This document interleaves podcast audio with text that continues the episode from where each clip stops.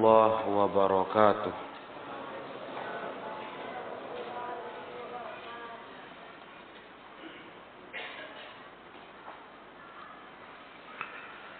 إن الحمد لله نحمده ونستعينه ونستغفره ونعوذ بالله من شرور أنفسنا ومن سيئات أعمالنا من يهده الله فلا مضل له ومن يضلل فلا هادي له. أشهد أن لا إله إلا الله وحده لا شريك له وأشهد أن محمدا عبده ورسوله. يا أيها الذين آمنوا اتقوا الله حق تقاته. ولا تموتن إلا وأنتم مسلمون يا أيها الناس اتقوا ربكم الذي خلقكم من نفس واحدة وخلق منها زوجها وبث منهما رجالا كثيرا ونساء واتقوا الله الذي تساءلون به والأرحام إن الله كان عليكم رقيبا يا أيها الذين آمنوا اتقوا الله وقولوا قولا سديدا. يصلح لكم أعمالكم ويغفر لكم ذنوبكم. ومن يطع الله ورسوله فقد فاز فوزا عظيما. فإن أصدق الحديث كتاب الله وخير الهدى هدى محمد صلى الله عليه وسلم. وشر الأمور محدثاتها فإن كل محدثة بدعة وكل بدعة ضلالة وكل ضلالة في النار أما بعد معاشر الإخوة رحمكم الله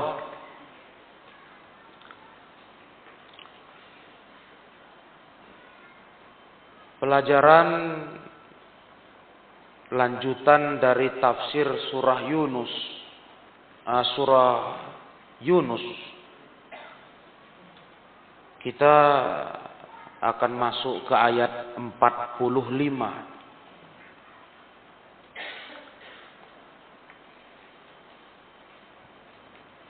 setelah sebelumnya Allah taala menceritakan tentang orang-orang yang tertutup telinga mereka, mata mereka dari mendengar dan melihat kebenaran.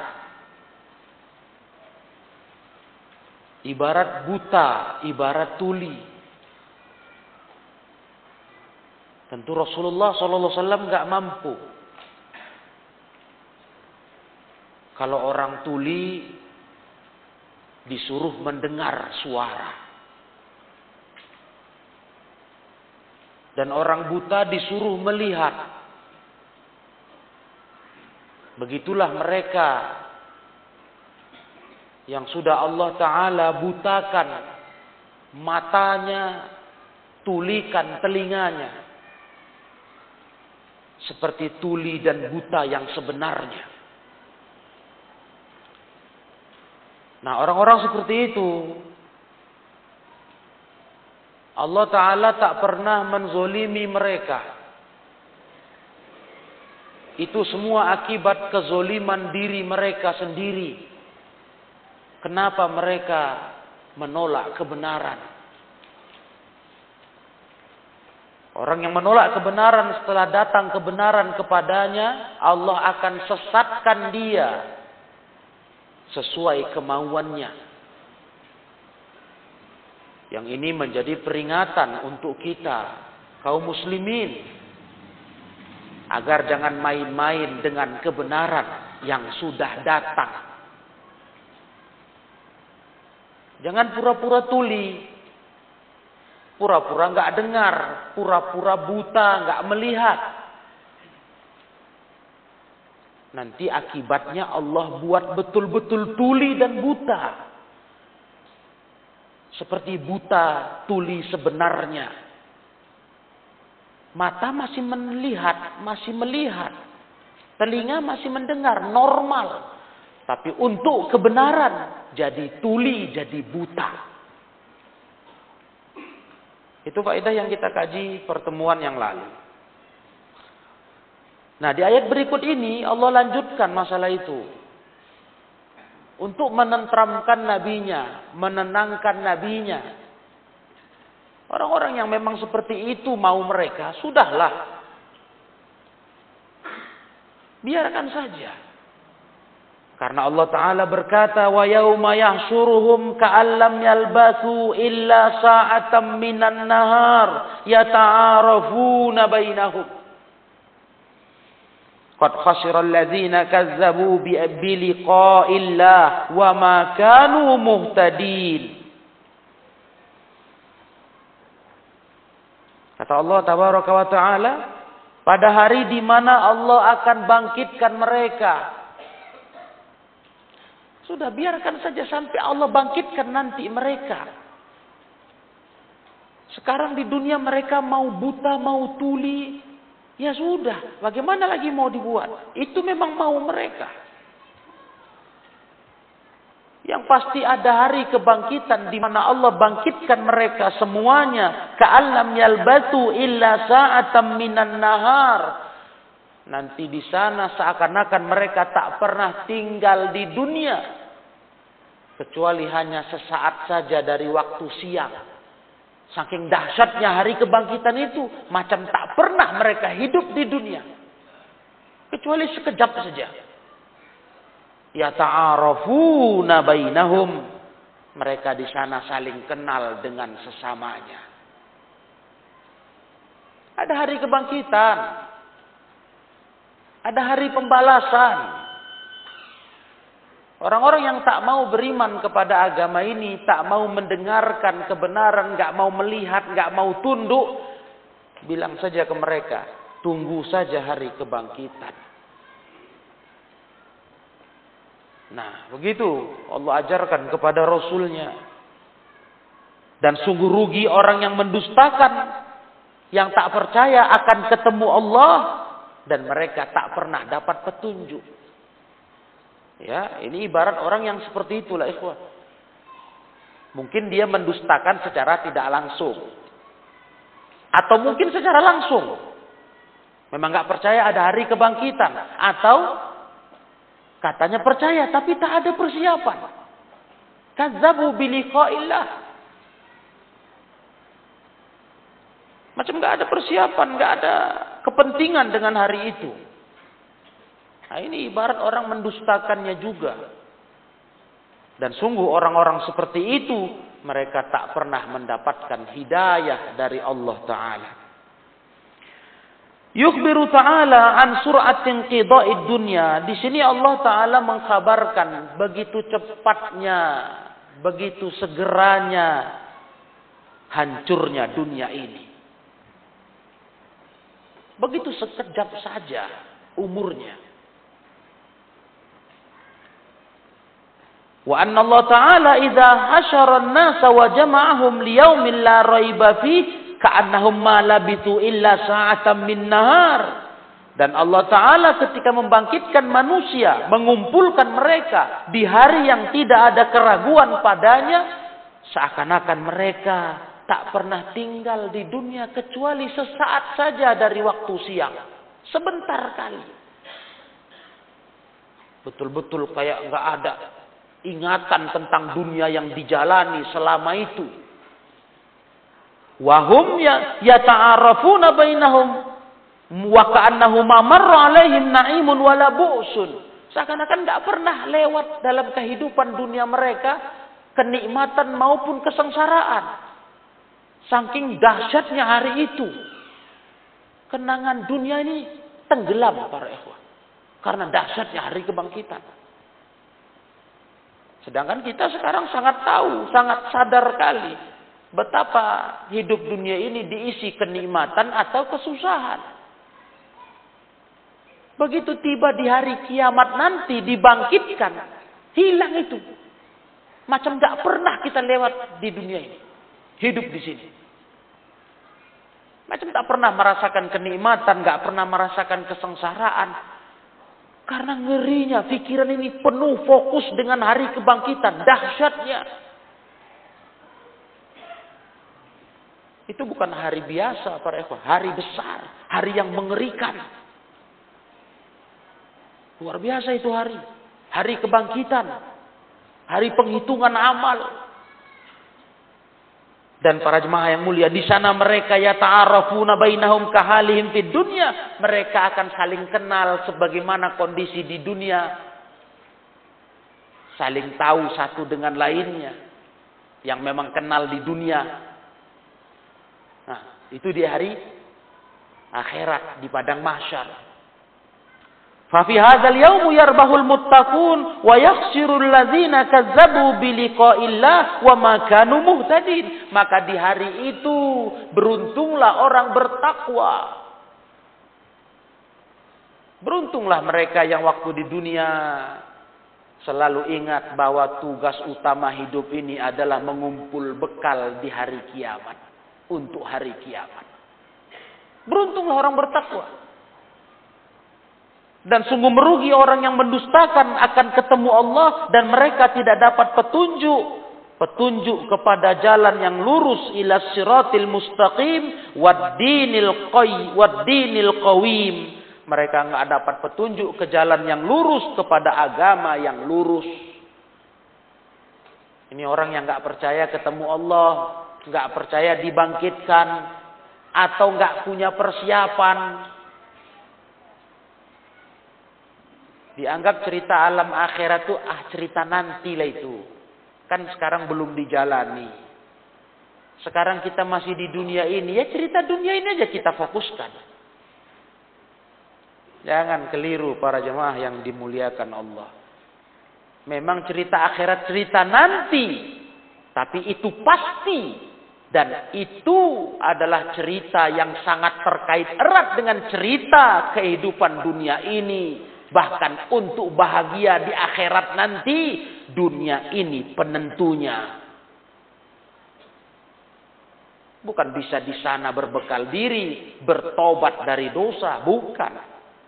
Di sana cuma menuai hasil, memanen yang kita tanam. Beruntung orang yang bertakwa ketika dibangkitkan Allah. Bahagia mereka yang sewaktu di dunia dia mau bersusah-susah untuk mematuhi agama. Sabar dengan taat. Sabar meninggalkan maksiat. Beruntung orang itu. Merugi orang yang mendustakan ketemu Allah subhanahu wa ta'ala. Haitsu fatat fatahumun naim wastahaqqu dukhulan nar. Mereka sudah luput tidak dapat kenikmatan orang-orang yang merugi ini. Orang-orang yang merugi ini nggak dapat kenikmatan dan berhak masuk neraka. Nah di sana nanti baru dirasakan orang yang nggak percaya kepada agama ini. Itu maksudnya. Jadi biar saja mereka yang mau buta, tuli, nggak mau peduli agama, biar aja. Nanti kan dia rasa. Kayak mana cerita alam akhirat. Biar aja. Toh dia tanggung sendiri urusannya. Nah beginilah Allah menghibur nabinya. Karena tadi yang kajian lalu saya sudah katakan ke ikhwah. Nabi SAW punya sifat sangat penyayang kepada umat. Jadi beban kali hati beliau lihat umat ini nggak ikut ke agama, nggak patuh. Beban beliau membayangkan azab bagi mereka. Nah, jadi Allah hibur beliau dengan cara begitu. Ya sudah, urusan mereka aja itu. Yang penting sudah disampaikan. Bagaimana mau dipaksakan? Ibarat orang buta. Bagaimana mau dipaksakan untuk melihat terangnya cahaya? Orang tuli bagaimana mau dipaksakan? Untuk mendengarkan suara. Kan tidak mungkin ya. Tidak bisa dipaksakan itu. Percuma kalaupun dicoba. Percuma kalaupun dicoba untuk dipaksakan dia melihat dan mendengar padahal dia betul-betul buta, tuli. Begitulah mereka yang hatinya tertutup untuk menerima agama ini. Telinganya ibarat tuli, matanya ibarat buta. Jadi jangan terlalu ambil pusing orang-orang begitu. Nanti ada hari kebangkitan. Wa imma nuriyannaka na'iduhum aw natawaffayannaka fa ilaina marji'uhum Allahu syahidun 'ala ma yaf'alun. Ayat 46 Allah berkata, bisa jadi kami perlihatkan kepadamu sebagian apa yang kami janjikan untuk mereka. Bisa jadi kami perlihatkan kepadamu. Artinya azab bagi mereka di dunia bisa saja itu disegerakan dan bisa pula natawaffayannaka fa ilaina marji'uhum atau kami wafatkan engkau.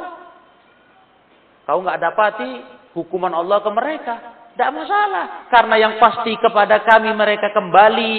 Tummallahu syahidun ala ma yaf'alun. Dan Allah yang menjadi saksi atas apa yang mereka kerjakan. Iya. Jadi urusannya serahkan saja ke Allah Ta'ala. Kadang Allah segerakan azabnya kepada orang-orang yang mendustakan agama dan kita bisa melihatnya. Kadang Allah tundakan, kita nggak bisa melihatnya, nggak masalah. Yang pasti semua kita kembali kepada Allah, bertanggung jawab depan Allah. Itu pasti. Nah, makanya kata kata Syekh la tahzan ayuhar rasul ala haulail mukazzibin. Kau jangan bersedih hai Rasul kepada mereka yang mendustakan agama ini. Jangan bersedih. La tahzan. Jangan bersedih. Wala lahum. Jangan pula kau bersegera minta disegerakan bagi mereka hukuman. Jangan pula. Tidak usah kayak begitu. Ya, karena salah satu sifat dasar manusia kan seperti itu ya. Memandang orang yang memang susah dibilangi, susah diarahkan, apalagi nantang-nantang azab, itu kan rasanya kepingin cepat-cepat diberi Allah dia uh, bukti azab itu. Cepat-cepat disiksa. Kan pasti begitu. Karena dia menantang-nantang azab. Seperti meremehkan ancaman Allah. Tapi begitulah dasar sifat kita. Nah, Rasul ditegur Allah, jangan kayak begitu. Jangan sedih bagi mereka yang masih diajak belum mau, nggak mau, atau yang sudah menentang, sudah melecehkan, sudah menantang. Jangan kau buru-buru untuk minta diazab mereka. Fa innahum la budda ayusibahumul ladzi na'iduhum minal azab karena yang pasti mereka harus kami timpakan azab kami kepada mereka kata Allah sesuai janji kami. Cuma itu tadi, kadang azabnya di dunia. Rasul bisa melihat faktanya, kenyataannya, kadang ditunda di akhirat. Yang pasti nggak ada, dibiarkan saja orang-orang yang mendustakan agama. Nggak ada, ikhwan. Dibiarkan melenggang saja begitu. Nggak ada. Pasti akan ada masa dia diazab Allah Ta'ala. Kadang dunia, kadang akhirat. Tempat azab untuk dia. Nah begitulah Allah hibur nabinya sallallahu alaihi wasallam. Imma fid dunya fatarahu bi'ainika wa taqarru bihi nafsuka. Bisa jadi azab itu di dunia, kau bisa lihat dengan matamu, bisa tenang jiwamu. Melihat mereka yang menentang dakwah ini, mendustakannya, nah, sudah binasa dengan azab. Bisa jadi begitu. Bisa jadi bisa jadi pula wa imma fil akhirati ba'dal wafa, bisa jadi di akhirat nanti setelah mereka mati. Karena nggak mungkin para ikhwah, orang yang menentang agama ini lolos begitu saja.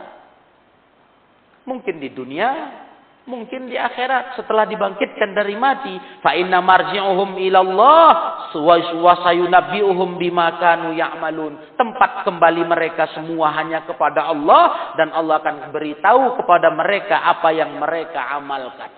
Dibongkar nanti semua. Ada hari hisab kan, hari perhitungan. Ini yang jadi sering menegur kita ikhwah dalam hidup ini untuk jangan asal-asalan lah berbuat. Karena semua itu nggak ada yang sia-sia, nggak ada yang dianggap lalu saja. Semua tercatat, semua akan diungkap Allah di yaumil qiyamah. Orang beriman begitu, untuk mencambuk dirinya mau taat, mau sabar meninggalkan maksiat. Ingat-ingat hari akhirat. Ingat-ingat, di sana nggak ada yang lolos. Walaupun misqalu dzarrah. Faman ya'mal mithqala dzarratin khairan yarah, wa man ya'mal mithqala dzarratin syarran yarah akan dia lihat itu. Walaupun sebesar biji zarrah dari keburukan, dia akan lihat. dinampakkan, disaksikan kepada dia, dipertunjukkan, nih kerjamu, amalmu. Kebaikan pun begitu. Nah, orang beriman ini cambuk bagi mereka. Untuk jangan asal-asalan dalam menjalani hidup ini. Untuk betul-betul melangkah itu penuh perhitungan. Ingat ada catatan amal, ada hari kebangkitan, ada penghitungan amal. Dan ada balasan amal. Nah, ini yang harus terus dipertajam cara pikirin di benak kita ikhwan. Ya, untuk menjaga keistiqomahan kita di atas amalan solih dan keistiqomahan kita dalam menjaga diri dari maksiat dosa. Ya, dengan cara mengingat alam akhirat, bagaimana resiko yang kita amalkan di dunia di sana ada pertanggungjawabannya. Ahsahullah wa nasuhullah ala kulli syai'in syahid. Allah menghitung semua amal manusia. Walaupun manusia melupakannya. Wa nasuh. Kalau mereka manusia melupakannya. Sering lupa. Makanya dalam satu ayat Allah ceritakan ucapan manusia di alam akhirat nanti. Kebingungan mereka. Kitab apa ini? Heran dengan kitab catatan amal. La yuwadiru saghiratan wala kabiratan illa ahsoha. Hebat betul kitab ini. Nggak ada yang disisakan. Tidak kecil, tidak besar. Semua dihitung. Nah, manusia sering lupa kitab catatan amal tidak bisa diakali. Tidak bisa. Dia terus ditulis malaikat. Terus diisi, diisi, diisi, diisi. Nah, di sana nanti manusianya yang bingung. Terkejut. Uh, detail betul. Nggak ada yang lolos. Nah. Ya. Heran itu mereka. Dalam surah Al-Kahfi. Heran lihat kitab catatan itu. Betul-betul jeli, teliti dicatat malaikat, nggak lolos satupun. La sahirata wala kabiratan. Dan Allah yang jadi saksi atas semua itu. Fahil wa'idu syadidu lahum wa tasliyatu lirrasulil ladzi kazzabahu qaumuhu wa anadu. Maka di sini ada sebuah ancaman keras untuk mereka yang tak mau beriman, tak mau taat, tak mau tunduk ke agama. Ingat hari akhirat. Di sana hari yang sangat mengerikan menunggu kita untuk bertanggung jawab atas semua perbuatan. Itu hari besar itu, hari yang dahsyat. Hari yang dahsyat bukan hari biasa itu, hari yang mengerikan. Ketika manusia dibangkitkan dari kubur, berbondong-bondong menghadap Allah. Dan kita semua sudah pernah mendengar mudah-mudahan saking dahsyatnya hari itu. Sekalipun kondisi manusia saat dibangkitkan dalam kondisi muratan, hufatan, gurla, telanjang, tak bersendal, tak bersunat, terpampang aurat semua, tapi manusia tak sempat terfikirkan sekalipun meliri orang selainnya. Karena sangat mengerikannya suasana hari itu, dahsyatnya. Sampai melirik kepada orang lain melihat aurat orang lain pun nggak ada pikiran ke situ. Masya Allah. Ini yang jadi cambuk kita sekali lagi, orang beriman. Mikir kita ke situ dalam hidup ini. Dalam langkah-langkah kita mikirnya ke situ. Bagaimana nanti catatan saya. Bagaimana pertanggungjawaban saya di depan Allah. Nah, itu kita pikir terus. Nah, kalau kita nggak mikir ke situ, susah kita mengerem diri untuk jangan buat dosa atau mendorong diri untuk buat pahala. Susah karena sifat kita ini jiwa kita dorong yang rusak saja. La amaratun bisu. Payah kita ngalahkannya nanti, menundukkannya payah. Jiwa kita ke situ dorongannya, dosa, dosa, dosa. Maka salah satu cambuk kuat kita adalah mengingat alam akhirat yang Allah ceritakan ini, hari kebangkitan. Itu nggak bisa dipungkiri. Apa pun ceritanya, siapa pun dia akan masuk ke fase kebangkitan. Dibangkitkan Allah. Pasti itu. Siapa pun dia. Jangan ada yang berpikir ada yang lolos, ada yang tidak merasakannya. Tidak. Siapa pun bangun semua. Para nabi, para rasul sama. Semua bangkit Hari kebangkitan, hari pertanggungjawaban, hari penghitungan amalan. Masyarul ikhwah yang mulia. Jadi ini ancaman dari Allah dan tasliyah hiburan untuk Rasulnya yang mana Rasulnya didustakan kaumnya ditentang mereka. Ini hiburan bagi Rasulullah. Tasliyah. Agar Rasul tenang. Agar Rasul nggak bingung, nggak galau lagi, nggak gundah hatinya. Ya, karena sedikit banyak pastilah ikhwah. Satu sisi rasa sayang beliau lihat mereka yang nggak beriman ini. Ada sisi lain rasa marah juga jengkel lihat yang menentang, yang nggak mau tahu, yang melawan. Nah, jadi urusan dakwah ini seperti itulah ikhwah, mengingat kaji yang lalu. Tugas kita sebagaimana tugas Rasulullah yang kita lanjutkan, sampaikan saja apa yang kita tahu ngomong, sampaikan. Urusan diterima, ditolaknya, itu urusan Allah Ta'ala. Kita nggak punya daya upaya, nggak punya kuasa. Memastikan orang masuk ke dalam pintu hidayah. nggak punya. Tugas kita hanya ikut sebagaimana yang Nabi lakukan. Meneruskan beliau. Sampaikan dakwah, sampaikan nasihat, sampaikan ilmu. Ada yang menentang, ada yang melawan, ada yang malah berbuat aniaya. Saat kita sampaikan ilmu, ya sabar. Ya. Yang pasti kita sadar, ada hari kebangkitan. Kau akan rasakan nanti balasannya di sisi Allah. Ada pengadilan di sisi Allah. Gitu aja. Nabi pun begitu cara pikir yang Allah ajarkan. Jadi nggak beban kan, ringan. Karena kalau kita pikirkan dengan mau kita, ya, orang mesti akan terima kalau kita sampaikan. Orang jangan tolak, orang jangan menentang. Ya itu susah nanti kitanya. Karena nggak mungkin mampu kita itu, ya, dan nggak mungkin dakwah ini diterima semua orang. Pasti ada yang menentang, ada yang menerima. Malah kalau dibandingkan, yang menentang lebih banyak dari yang menerima. Jadi kita santai saja, ringan. Yang ada Allah perintah kita, Nabi ajarkan kita, sampaikan kebenaran. Sampaikan. Balighu anni walau ayat. Sampaikan dari aku walaupun satu ayat. Itu pesan Rasul. Jadi ajaklah orang-orang terdekat kita, orang-orang yang bisa terjangkau kita. Ajak kepada dakwah. Ajak kepada Islam. Ajak kepada sunnah. Bagaimana bagaimana mereka, respon mereka, serahkan kepada Allah. Selesai.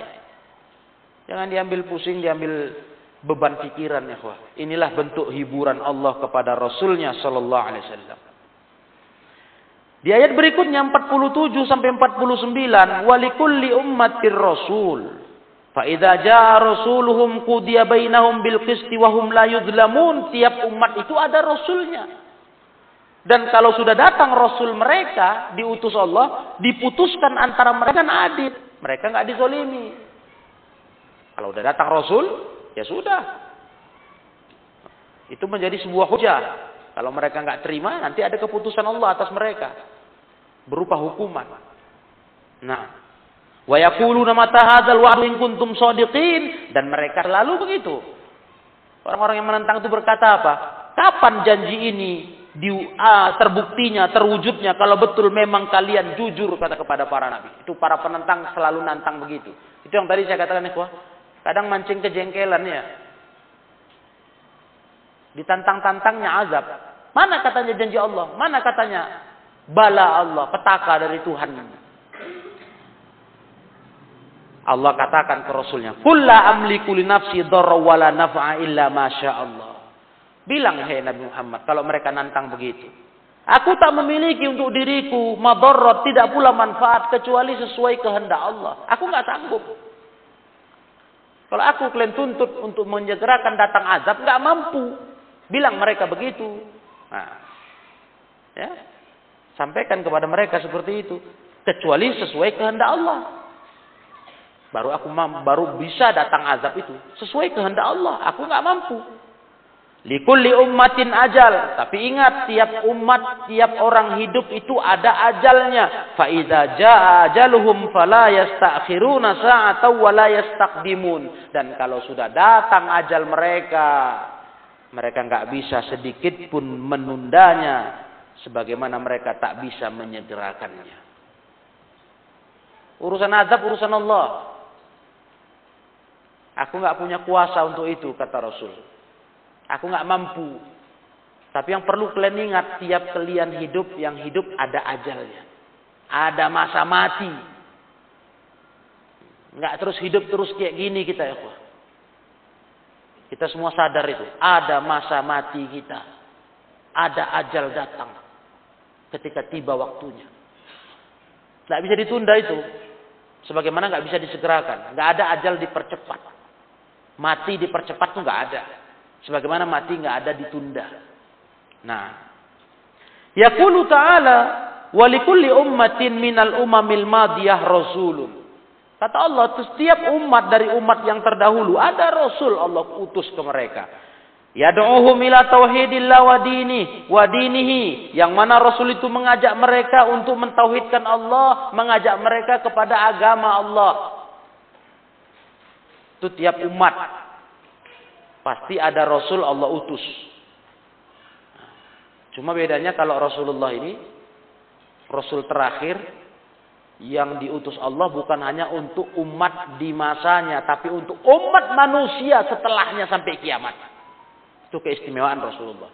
Kalau Rasul-Rasul yang dulu, mereka adalah utusan Allah ke kaumnya. Ke kaumnya. Komunitasnya. Beda sama Rasulullah SAW. Beliau utusan Allah untuk segenap alam semesta setelah beliau diutus. Sampai-sampai kata Rasulullah, andai kata Musa masih hidup, Musa sekalipun tidak ada pilihan kecuali harus ikut aku kata Rasul. Ma wasi'ahu illa tibai. Lau kana Musa hayyan. Kalau Musa masih hidup, nggak ada pilihan bagi dia kecuali ikut aku kata Rasul. Nah, itu dia keistimewaan Rasulullah. Rasul itu umat bagi segenap alam. Nah, Rasul bagi segenap alam. Umat semua manusia harus tunduk kepada Rasulullah SAW. Nah, ini keistimewaan beliau. Nah, para ibu yang mulia, ketika Rasul diutus kepada kaum mereka, mengajak mereka kepada tauhid dan mengajak kepada agama, maka faida ja'ahum rasuluhum bil ayati ketika sudah datang kepada mereka rasul mereka utusan Allah dengan ayat-ayatnya saddaqahu ba'duhum wa kazzabahu akharun di situ akan ada orang-orang yang percaya, sebagiannya ada pula yang mendustakannya. Dan itu wajar. Dari dulu ya begitu aja, nggak pernah cerita lain yang ada, yang terjadi. Dari dulu semua cerita dakwah Rasul yang diutus kepada umat manusia pasti ada yang beriman, ada yang kafir. Ada yang terima, ada yang percaya, ada yang nolak, yang mendustakan. Nah, makanya di umat Nabi Muhammad pun kejadian yang sama muncul, ya jangan heranlah kita. Biasa saja. Ditambah memang Rasulullah pun pernah mengatakan golongan yang selamat itu yang mau taat ke mereka lebih sedikit yang mau ikut daripada yang tak mau ikut. Mayasihim aktsaru mimma yuti'hum yang memaksiati mereka nggak ikut itu lebih banyak dari yang mau ikut. Nah jadi kita untuk apa beban? Nggak usah heboh, heboh nggak usah pusing kali. Nah, walaupun ya tadi ya, alhamdulillah kita berusaha meneladani Rasul dalam hal kecintaan kepada umat manusia. Khususnya kepada orang-orang terdekat kita. Ya dasar cinta kita lah bikin kita kadang jadi sedih nengok ada keluarga, ada saudara-saudara sedarah daging kita. Mungkin ada anak istri nggak ikut ke agama ini. Ya, kan wajar itu. Karena sifat kasih sayang kita, kita betul-betul ingin munculkan terhadap orang-orang terdekat kita. Tapi ingat, itu jangan berlarut-larut ya Kayak Rasulullah dinasihati Allah di sini. Jangan berlarut-larut. Sebab hidayah itu yang ngatur Allah. Kita terus saja coba terus, coba lagi, ajak lagi, nasihat lagi, itu aja. ada sedikit terbersit kesedihan, kok nggak mau-mau dia, ya bolehlah. Tapi itu nggak jadi beban. Hmm. Karena kita sudah menjalankan apa yang harus kita jalankan. Porsi kita sudah kita kerjakan. Porsi kita apa? Hanya meneruskan dakwah Rasul. Menyampaikan. Udah kita lakukan selesai. Jangankan kita untuk memastikan orang menerima agama ini. Rasul pun tak sanggup. Para Rasul pun tak sanggup. Setiap umat yang diutus Rasul ke mereka. Pasti umatnya ada yang sodakohu. Ba'duhum mempercayai Rasul itu sebagian, ada pula yang mendustakan. Kazzabahu akharun. Eh, itu biasa ya. Udah lumrah itu, enggak usah heran. Nah, Fayaqdillahu bainahum bil maka Allah menghukumi antara mereka dengan adil. Artinya yang memang mau percaya yang mendustakan, ada itu hitung-hitungannya, hukuman resikonya ada. Nah, karena Allah sudah turunkan Rasul menyampaikan kebenaran kok nggak ikut? Nah jadi yang nggak mau ikutnya ada hitung hitungannya dengan adil Allah putuskan nanti bagi mereka. Dan juga para ikhwah binajatil mu'minin wa ihlakil mukadzibin kadang Allah taala memberi keputusan orang beriman diselamatkan itulah keputusannya. Dan untuk orang pendusta agama ya dihancurkan. Jadi Allah pasti ada keputusan. Orang yang beriman beruntung Allah beri keputusan kepada mereka balasan kebaikan. Orang yang mendustakan celaka. Nah, jadi kita posisi kita begitu aja lah. Kita berusaha ingin jadi orang yang diberi Allah hidayah, diberi Allah keberuntungan. Maka kita jaga agama ini setelah kita mengenalnya. Urusan orang lain untuk ikut kepada agama ini ya kita sampaikan saja apa yang kita tahu dari, dari agama. Perkara urusan terima tidaknya serahkan ke Allah. Dah. Yang pasti setiap kita kita yang percaya atau mereka yang mendustakan ada hitungan adil dari Allah. Ada. Enggak mungkin Allah berbuat zolim kepada hamba. Wahum la yudlamun. Mereka tidak mungkin dizolimi bi ayu bi ayu azabu qabla irsalir rasul wa bayanil hujjah. Enggak mungkin mereka diazab Allah sebelum diutus rasul. Itu enggak mungkin. Mana mungkin ikhwah? Ada umat yang Allah belum utus rasulnya sebagai penyampai agama, mereka terus diazab karena enggak beriman. Ya enggak mungkin. Allah enggak adil kalau begitu. Dan Allah enggak mungkin buat itu. Allah baru menghukum hamba-hambanya, manusia-manusia tak beriman, itu karena mereka sudah diturunkan, diutus Rasul ke mereka. Udah diajari kebenaran, kok enggak beriman. Jadi Allah kan tidak zalim kan? Gitu maksudnya. Au yu'azzabu bighairi jurmihim atau diazab mereka tanpa dosa. Mana mungkin Allah buat itu?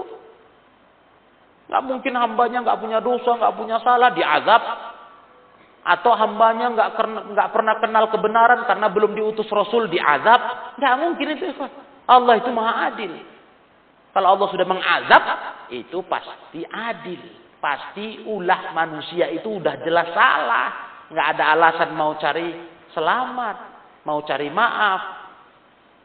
Dan diutusnya para rasul di setiap kaumnya, setiap umatnya sampai Nabi Muhammad Rasulullah SAW itu hujah bagi manusia untuk kalau mereka ikut dakwah Rasulnya, mereka akan merasakan azab Allah Ta'ala.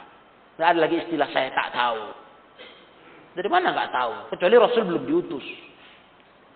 Hmm. Kan katakan saya nggak ngerti. Kenapa bisa nggak ngerti? Rasul kan sudah ada, sudah diutus. Dari mana nggak tahu nggak ngerti? Nah ini hati-hati, jangan terhibur kita dengan istilah kan saya nggak tahu nggak tahu kan nggak dosa. Ah. Hati-hati ikhwah. Ini subhat syaitan yang yang ditujukan agar kita terus-menerus di atas kesalahan. Enggan mencabut diri, taubat. Dihibur dengan pikiran begitu. Ah, kau kan tak tahu, kau kan tak tahu. Wah. Yang ianya apa mereka? Nggak mau tahu. Bukan nggak tahu, belum tahu, nggak mau tahu selama hidup dengan agama ini. Nah, rasakanlah nanti. Semua yang kita kerjakan berupa pelanggaran-pelanggaran atas ketaatan dan kemaksiatan, Allah balas seadil-adilnya. Bil kisti dengan adil. Nah. Kaum muslimin falyahdharil mukazzibuna lak min musyabahati al umamil muhlikin al muhlakin fayahillu bihim ma halla bi ulaik. Maka hendaklah hati-hati kata Syekh.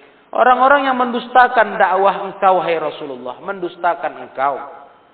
Hati-hati dari menyerupai umat-umat yang sudah binasa dulu, umat-umat Nabi dulu. Hati-hati mereka yang mendustakan dakwah Rasulullah.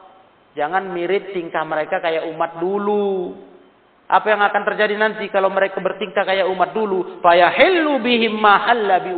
Nanti akan terjadi menimpa mereka seperti yang sudah terjadi pada umat dulu. Umat dulu mereka. Subhanallah. Masya Allah. Kalau kita lihat kisah Quran. Hancur binasa. Sengsara ketika mereka mendustakan Rasul utusan Allah ke mereka. Nah, jangan nanti kalian kayak gitu lagi hai umat Muhammad. Itu kata Syekh. Jangan kalian kayak gitu lagi nanti menimpa mereka, yang menimpa mereka menimpa kalian. Hati-hati, falihzar, hati-hati. Nah, betul loh, ini jaga-jagalah.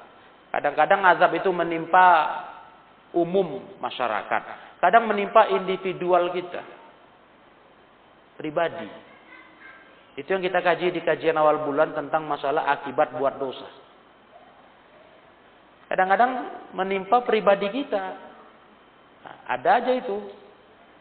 Ada aja itu azab berupa fisik yang ditimpanya atau berupa batin.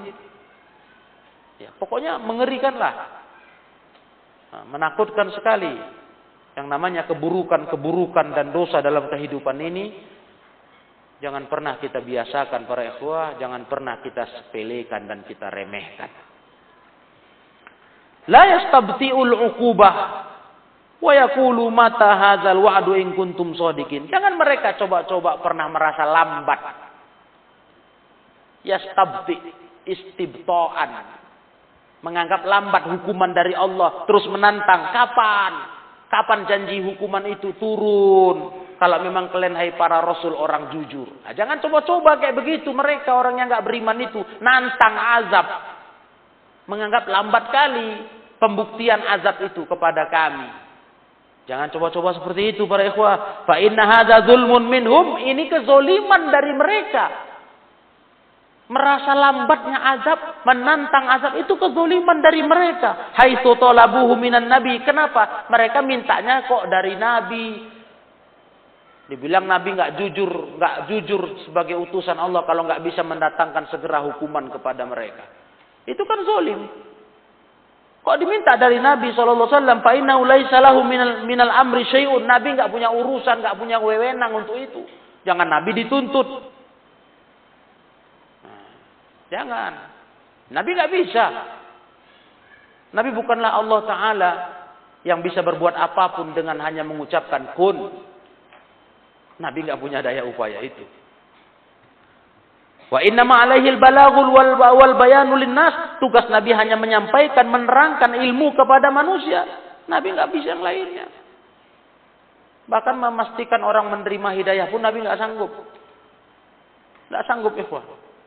Abu Talib paman beliau kita sudah sama tahu tak mampu Nabi bawa kepada Islam sampai embusan nafas, nafas terakhirnya. Sampai ajal menjemputnya. Nabi nggak sanggup. Nah, itulah memang hidayah itu minallah dari Allah taala. Innaka la tahdi man ahbabta walakin Allah yahdi man. Allah katakan ke nabinya engkau ya Muhammad sallallahu alaihi wasallam enggak bisa memberi hidayah orang yang kau cinta. Tapi Allah yang bisa memberi hidayah siapa yang dia mau. Nah, ya kan? Maka Nabi jangan dituntut yang lebih dari itu. Jangan dituntut Nabi mendatangkan azab. Jangan. Itu zolim namanya. Wa amma hisabuhum wa inzalul azabi alaihim faminallah ta'ala. Adapun hisab hitungan amal bagi mereka dan turunnya azab atas mereka itu urusan Allah. Dari Allah itu keputusannya. Tapi begitulah orang kafir ya. Nantang-nantang memang biasa itu. Zaman sekarang pun orang yang mengatasnamakan dirinya muslim pun masih begitu tingkahnya. Di posting-postingnya lagi seperti itu tantangan-tantangan itu. akan azab Allah, akan neraka Allah Ta'ala. Ya begitulah tingkah manusia ya. Seakan-akan hal yang ringan azab itu, seakan-akan hal yang tak mengerikan kali, tak menakutkan kali. Sampai jadi jadi bahan mainan, bahan candaan mereka, na'udzubillah. Yunziluhu alaihim idza ja'al ajalul ladzi ajjalahu fi wal waqtul ladzi qaddarahu fi al muwafiq li hikmatihi ilahiyah. Ya itu semua tergantung Allah.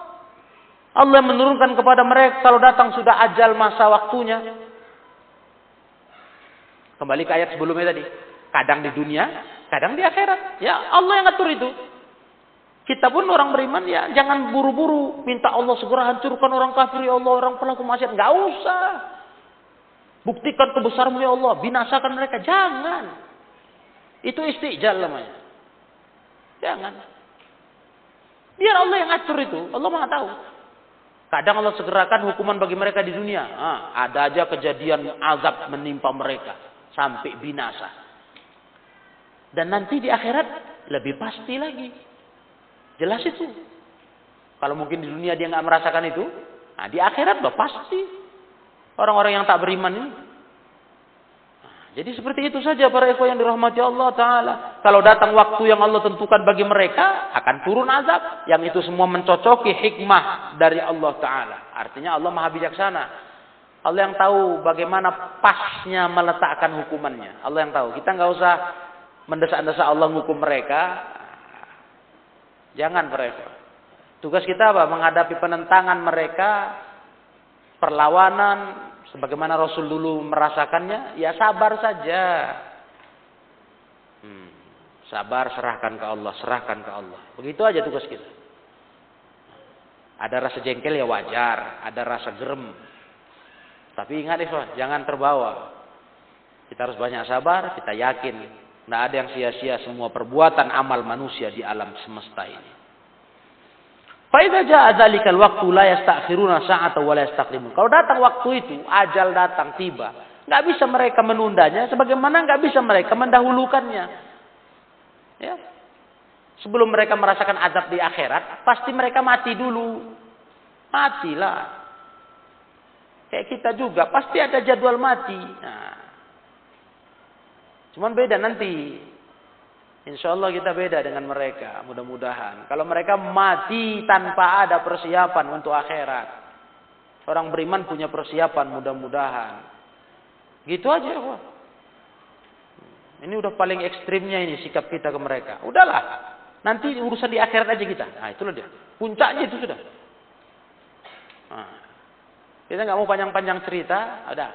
Masing-masing lah kalian. Kayak ayat-ayat sebelumnya kan itu amalku, amalku, amal kalian, amal kalian. Ya kan? Kajian kita yang lalu. Kan begitu. Kata Allah Ta'ala. Amalku, amalku. Allah bilang ke Rasulnya, amal kalian, amal kalian. Kalian gak akan senang dengan amalku, aku pun gak akan senang dengan amal kalian. Dah. Itu aja hidup ini, Masing-masing kita akan bertanggung jawab depan Allah. Hmm. Dengan pertanggungjawaban yang tidak ada kezoliman padanya di sana. Falyahdharil mukadzibuna minal istijal bil azab, maka hati-hati orang yang mendustakan agama dari minta segera turun azab. Fa innahum mustajiluna bi azabillah allazi idza nazala la yaruddu la yaruddu ba la yuraddu ba'suhu anil qaumil mujrimin. Dan ingat, kalau mereka disegerakan azabnya oleh Allah, jangan coba-coba minta-minta azab lah. Karena kalau sempat disegerakan azabnya oleh Allah, nggak bisa menolak bencana petakanya, nggak bisa ditolak lagi itu dari kaum pendosa, nggak bisa lagi. Kalau udah Allah putuskan turun azab, hancur kita, habis kita. Apa hebat kita umat manusia ini? Kok kayak tahan kali di azab Allah, nantang-nantang pula mereka itu. Jangankan umat model kita yang lemah-lemah, generasi makin ke belakangnya makin lemah-lemah. Fisiknya pun makin kecil dari umat dulu. Umat dulu saja kita sudah kaji di tafsir-tafsir ayat sebelumnya, surat-surat sebelumnya. Itu lebih perkasa, lebih besar-besar orangnya, tenaganya, kemampuannya, hartanya lebih melimpah, kekuasaannya lebih luas, lebih hebat. Kalau Allah mau hancurkan, sekejap saja. Nggak usah payah-payah. Nggak usah harus dipecahkan Allah gunung di dekat mereka. Meletus, nggak usah. Cuma dikirim angin, lembut, dingin. Lewat di tengah mereka. Mati langsung. Geletak kering. Nggak usah payah-payah. Nggak perlu harus dibangkitkan Allah air laut. Sehingga ratusan meter ke darat. Nggak perlu kalau mau menghancurkan mereka umat dulu. Cukup dikasih suara keras dari langit. Pecah telinga mereka bergelimpangan di rumah-rumahnya. Mati. Itu orang-orang kuat ya Umat dulu tuh jauh kuat dari kita. Lebih perkasa.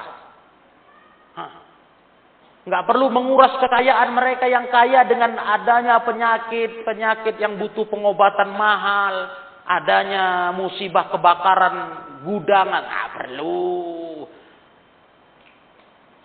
Sekejap saja dibelah Allah bumi. Korun dengan harta sebanyak itu tenggelam. Dia dan seluruh hartanya. Habis sekejap saja. Tidak perlu panjang kali cerita menghancurkannya, jalan ceritanya. Tidak perlu bertele-tele. Kalau Allah mau, gampang. Nggak perlu perang panjang menumpahkan, uh, menumpas kesombongan Fir'aun. Tidak perlu perang panjang. Yang menguras energi. Tidak perlu. Karena dia sangat luar biasa para ikhwan. Memang betul-betul raja yang berkuasa. Luas. Betul-betul luar biasa ke, ke, kekuasaan dia. Hah. Pengaruhnya luar biasa. Nggak perlu payah-payah. Sekejap saja. Ditelan laut merah. Hmm. Selesai cerita Firaun selamanya. Ya. Cerita kejayaannya, tapi fisiknya tetap ada cerita tentang ke kerusakan dia, kejahatan dia tetap terkenang sepanjang zaman. Jadi begitulah para ikhwah, jangan coba-coba menantang azab. Kalau turun azab Allah itu nggak bisa ditolak lagi petakanya, bencananya dari orang pendosa nggak sanggup ditolak lagi itu. Nggak tahan kita. Kita teramat lemah di depan Allah Ta'ala, di depan azabnya. Teramat lemah. Ringkih. Gak punya kuasa kita menghadapi marah Allah. Nah, jadi para ikhwan mulia, tingkah-tingkah orang-orang kufar dulu, para pendusta agama yang menantang azab ini, nah, ini menjadi pelajaran bagi kita. Biar mereka rasakan itu. Baik di masa hidup mereka yang Allah turunkan azab saat itu, maupun di alam akhirat nanti. Mereka akan rasakan itu. Bagaimana sakitnya diazab oleh Allah Subhanahu wa taala. Ya. Jadi begitulah para ikhwan yang mulia. Nah, insya Allah pada kajian yang akan datang nanti ayat 50 sampai 52 Allah ceritakan di antara bentuk turunnya azab itu bagaimana. Nanti kita baca. Yang ditantang-tantang mereka itu kadang Allah penuhi Sesuai dengan keadilannya, dengan hikmahnya. Bagaimana bentuk datangnya? Nah, betul. Hancur mereka, hancur. Nggak bisa selamat. Nggak bisa selamat. Karena azab Allah itu dahsyat. Nah ini yang jadi pelajaran bagi orang beriman. Kisah umat dulu.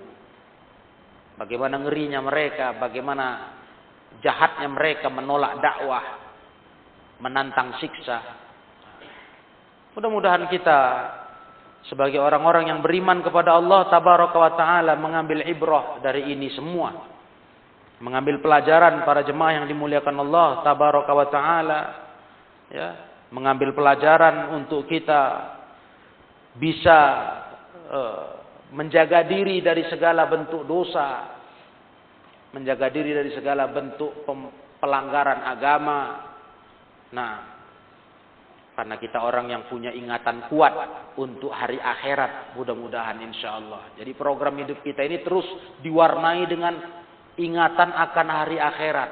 Hari pertanggungjawaban, hari pembalasan. Nah ini terus diwarnai dengan itu setiap langkah hidup ini. Dari pagi sampai malam hari kita mau tidur. Terus diisi dengan itu. Nah, itu sebuah cambuk yang sangat efektif insya Allah untuk menjadikan kita lebih dekat kepada Allah tabaraka wa taala, lebih istiqomah di atas agama Allah tabaraka wa taala. Ya, demikianlah para ikhwah rahimakumullah. Kita cukupkan pelajaran kita malam hari ini